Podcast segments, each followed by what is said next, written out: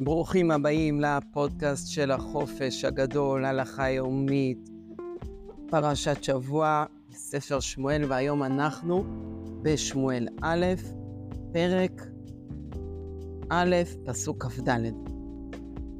עכשיו חנה מביאה את שמואל, מעלה אותו למשכן שילה. ותעלהו עמה כאשר גמלתו, נפרים שלושה ואפה אחת קמח ונבל יין, ותביאהו בית אדוני שילה והנער נער. עכשיו, את זה למדנו בפעם הקודמת. עכשיו, בפסוק כ"ה, חכמים דורשים את הפסוק סיפור מאוד מעניין. וישחטו את הפר ויביאו את הנער אל עלי. חכמים אומרים, הם לא מבינים את הפסוק. ישחטו את הפר ויביאו את הנער אל עלי. מה הקשר בין שחיטת הפר לבין הבאת הנער שמואל אל עלי? מה הבעיה? בטח, היא הביאה את הפרים שלושה והפחת קמח. אז כנראה היא הקריבה, והקריבה, הכהנים הקריבו, וסבבה, ואחרי זה הביאה את הנער אל עלי. זה אולי הפשט, אבל בפסוק, וישחטו את הפר והביאו את הנער אל עלי. חכמים אומרים ש... הם הגיעו לשם. שמואל למד ככה לפני זה אה, בתלמוד תורה בעיר שלו, למד תורה, למד ספר ויקרא.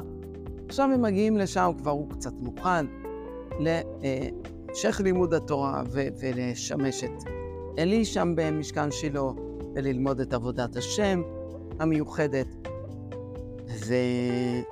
והכוהנים לא שוחטים את הפר. היא הביאה פרים, לא שוחטים. אומרים, מה קורה? רגע, הכהן שאמור לשחוט, הוא לא נמצא פה, הוא הלך לאיזשהו מקום, בואו נחכה לו. אי אפשר להקריב בלי שהכהן ישחט. אומר שמואל, זה לא ככה ההלכה. ההלכה היא, למדתי בספר ויקרא, ששחיטה כשרה בזר. זר זה מישהו לא כהן. כתוב בתחילת ספר ויקרא, אדם כי יקריב קורבן, אם עולה קורבנו, כתוב, ושמח ידו על ראש העולם, האדם שהביא את הקורבן, ונרצה לו לכפר את... עליו. אז הפסוק הבא אומר, ושחט את בן הבקר לפני השם.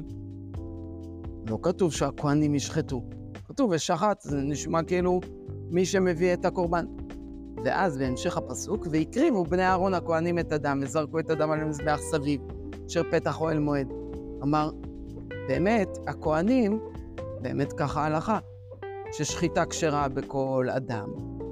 וגם שמואל יכול לשחוט את הפר, וגם אדם אחר יכול לשחוט את הפר, ואולי יש מצווה במי שהביא את הפר או את הקורבן, אם הוא יודע לשחוט, שהוא ישחט, אבל לקבל את הדם במזרק, ולהוליך אותו למזבח, ולזרוק, ולעלות על הגה מהמזבח, זה כבר הכהנים, וזר אסור להם להתקרב.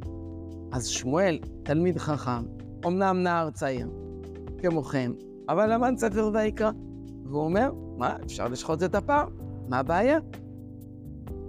שואלים, הולכים אל אלי, שואלים אותו, אה, הגיע איזה נער פה, והוא אומר, שמותר uh, שזר ישחט.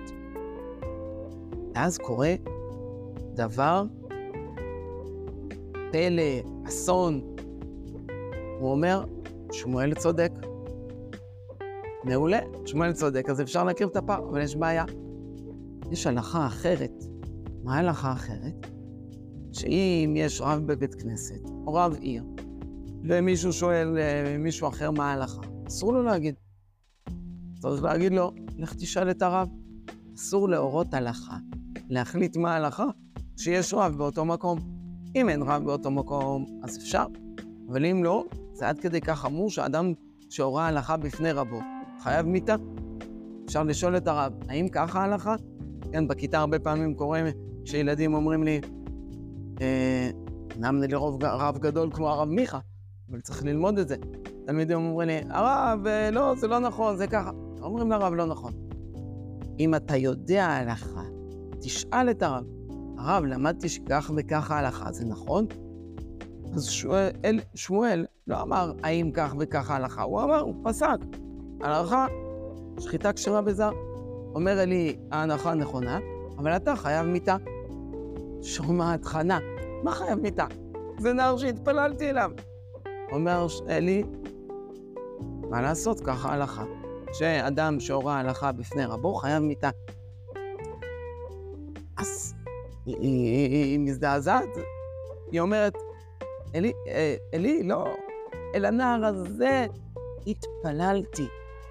זה נער מיוחד, זה נער שכל התפילות שלי מיוחדות. הוא אומר, אני אביא לך, אני אתפלל ויהיה לך ילד אחר. הוא אומר, לא. היא אומרת לו, לא, אל הנער הזה התפללתי. אתה אומר, בי אדוני, חי נפשך אדוני. אני האישה ניצבת עמך בזה להתפלל אל אדוני. היא, היא נשמעת, אל הנער הזה התפללתי. ויתן אדוני לי את שאלתי, אשר שאלתי מאמו. אני רוצה דווקא את הנער הזה, כי אני יודעת ש, שהוא נער מיוחד, הוא נער של תפילות גדולות, הוא יהיה גדול בישראל. וגם אנוכי, השלטיהו לאדוני כל הימים אשר היה הוא שאול לאדוני, וישתחו שם לאדוני. ואלי אומר, טוב, הוא לא ימות, לא נותנים כופר, במקום זה כסף. ובאמת, שמואל ניצל. אבל כבר רואים גם את חוכמתו מצד אחד, גם רואים כמה התפילות, תפילות, שאנחנו מתפללים על משהו, ו- ו- ו- ואנחנו, הוא לא קורא, ומתפללים עוד ועוד, ואז כשהוא קורא, אז יש ערך יותר גדול לדבר שהגיע על ידי הרבה תפילות. בפסוקים הבאים, בפעם הבאה נראה את התפילה של חנה. יום טוב לכולם, והמשיכו ללמוד תורה גם בחופש הגדול.